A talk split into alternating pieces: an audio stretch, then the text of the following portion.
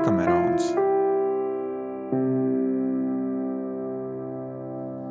Sveicināti! Mani sauc Agnēs Egliņa. Es esmu pianiste un šodien es jums lasīšu Giovanni Bokačo Dekamerona 9. dienas otro noveli. Kāda klostera priekšniece tumsā steigšus pieceļas, lai pieķertu viņai nosūdzēto mūķeni ar mīļāko gultā. Tā kā pie viņas pašas tobrīd atrodas kāds garīdznieks, viņa, domādama uzliekam galvā mūķeni šķidraut, uzliek garīdznieka bikses. Kad apvainotā mūķene pamana misēkli un priekšniecēji aizrāda, mūķeni atbrīvo, un tā var netraucēti palikt kopā ar savu mīļāko. Pirms mēs turpinām noveli un pietuvinamies 14. gadsimtam, kad dzīvoja Giovanni Boccaccio, es vēlos jums atskaņot izcilā vācu komponista Johana Sebastiana Baha franču svītas do minorā Alemandas daļu. Alemanda ir sena ācu deja, un Tie, kas seko līdzi kvadrifrona dekamerona lasījumiem, noteikti būs pamanījuši vai vismaz daudzkārt dzirdējuši šīs dejas pēdējo takti, kas ir ļoti interesanti tieši ar to, ka it kā viņi sākas minorā. Bet beidzas gaiši. Do mažorā. Šī mūzika ir brīnišķīgi skaista, un lai mums būtu pilnīgs priekšstats par šo deju, jo dejai ir kopumā 18 taktis, un lai mēs nezinātu tikai vienu takti, es labprāt jums nospēlēšu visu šo skaisto mūziku, un ļausimies Johana Sebastiana Baha mūzikas valdzinājumam.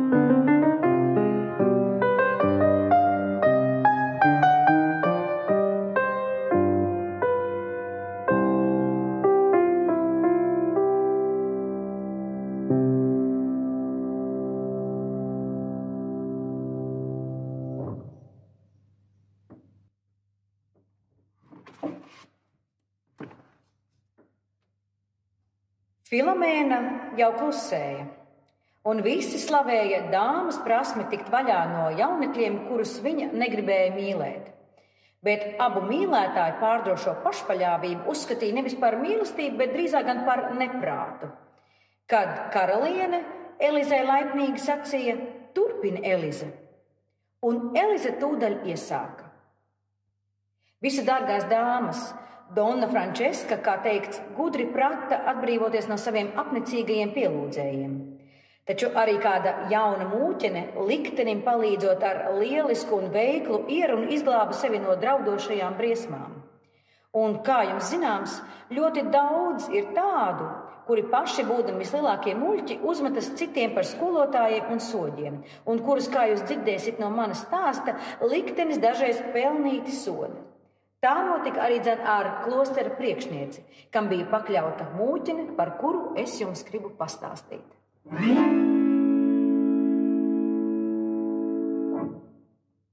Tātad jums jāzina, ka Lombardijā ir kāds klosteris, ļoti ievērojams ar savu svētumu un dievticību, kurā starp citām mūķinēm, kas tur bija, uzturējās arī kāda jaunuma, dišciltīgu ļaužu un apveltīta ar apbrīnojumu daļumu vārdā Izabete.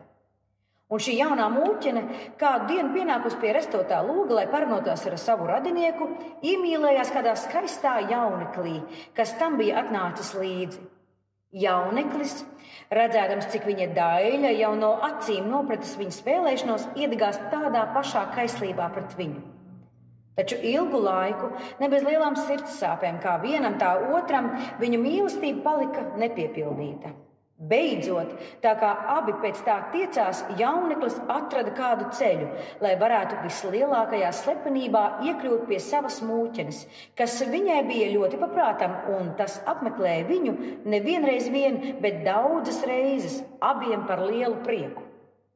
Kamēr tā turpinājās, kādu nakti atgadījās, ka viena no šejienes mūķenēm ieraudzīja jaunekli nec viņam pašam, nec Izabetē nemanot, atvadāmies no Izabetes un aizejām. Mūķene to pateica citām. Vispirms tās nolēma Izabetu apsūdzēt klostera priekšniecei, kuras vārds bija Donna Uzimbalda, un kuru mūķens un ik viens, kas to pazina, uzskatīja par krietnu un svētu sievieti. Tomēr vēlāk tās nolēma, lai Izabete neko nevarētu noliegt, iekārtot tā, ka klostera priekšniece pati pieķertu viņu kopā ar jaunu un tā. Nevienam nesakot ne vārda, tās slepeni norunāja savā starpā, kādā kārtībā nakti paliks nomodā un uzmanīs, lai notvertu Izabetu. Tā kā Izabete nemaz nepiesargājās, nedz arī kaut ko nojauta, atgadījās, ka kādu nakti, kad viņa atkal bija attaicinājusi savu mīļāko, to tūdaļ uzzināja klostera māsas, kas viņiem uzglūnēja mūģenes, kad tām likās pienācis īstais brīdis, un kad bija jau vēla nakts, sadalījās divās daļās. Vienas nostājās sardzē pie Izabetes cēlas durvīm, citas aizskrēja uz klostera priekšnieces istabu un pieklāvējušas pie durvīm. Kad tā atsaucās, sacīja: Kundze, celieties ātrāk! Mēs uzzinājām, ka pie Izabetes cellē atrodas kāds jauneklis.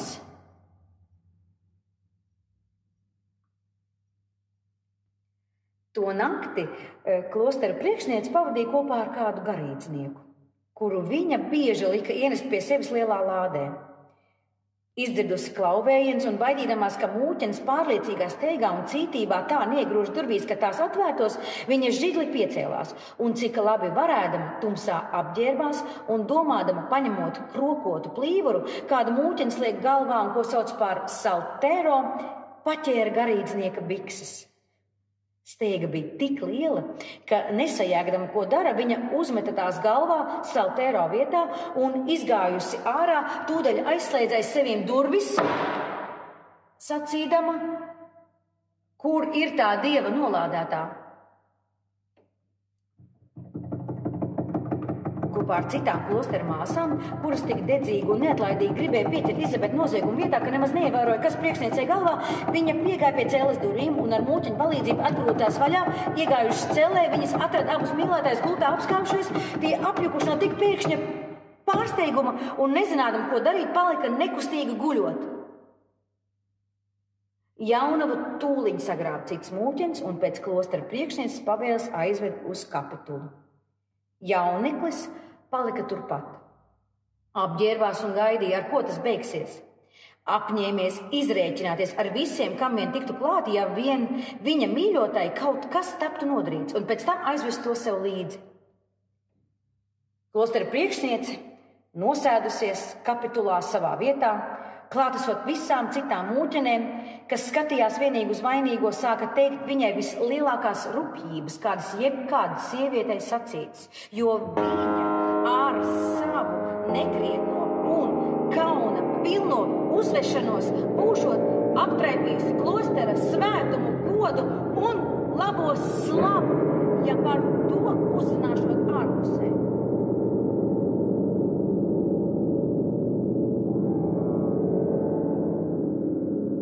Un lamu vārdiem tā pievienoja visbargākos draudus. Jaunava nokaunējusies un nobijusies kā jau vainīga, nezināja, ko atbildēt, un klusēdama centās modināt citās līdzjūtību. Bet, kad klostera priekšniece sāka vēl stiprāk lamāties, viņai gadījās pacelt acis, un viņa ieraudzīja, kas klostera priekšniecei galvā, un bikšu saites, kuras nokrājas tai gar abām ausīm.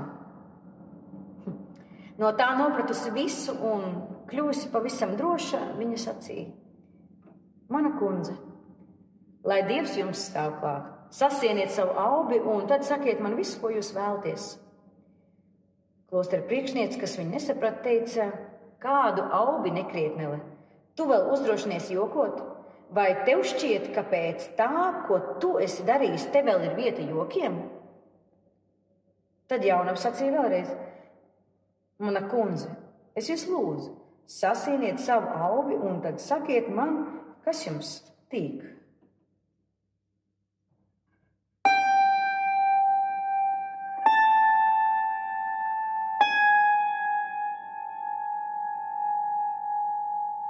Tad daudz smūķens paskatījās uz priekšnieces galvu, un arī viņa pati saķēra uz galva rokām, saprata, kāpēc Izabete tā runā. Apzināties pati savu pārkāpumu un redzēdama, ka visas to ir pamanījušas, un tas vairs nav noslēpjams, viņa mainīja balss noskaņu un sāka runāt pavisam citādi nekā pirms tam.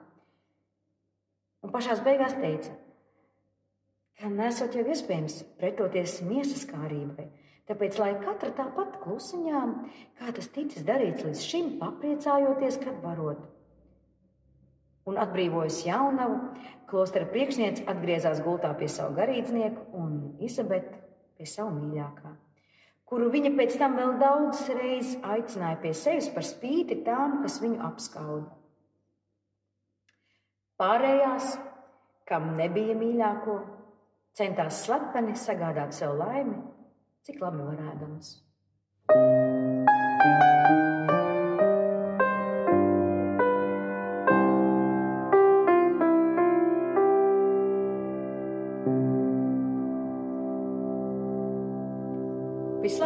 Kas labi beidzas. Paldies par uzmanību. Es ceru uz drīz satikšanās, lai mierpilns jums šis laiks.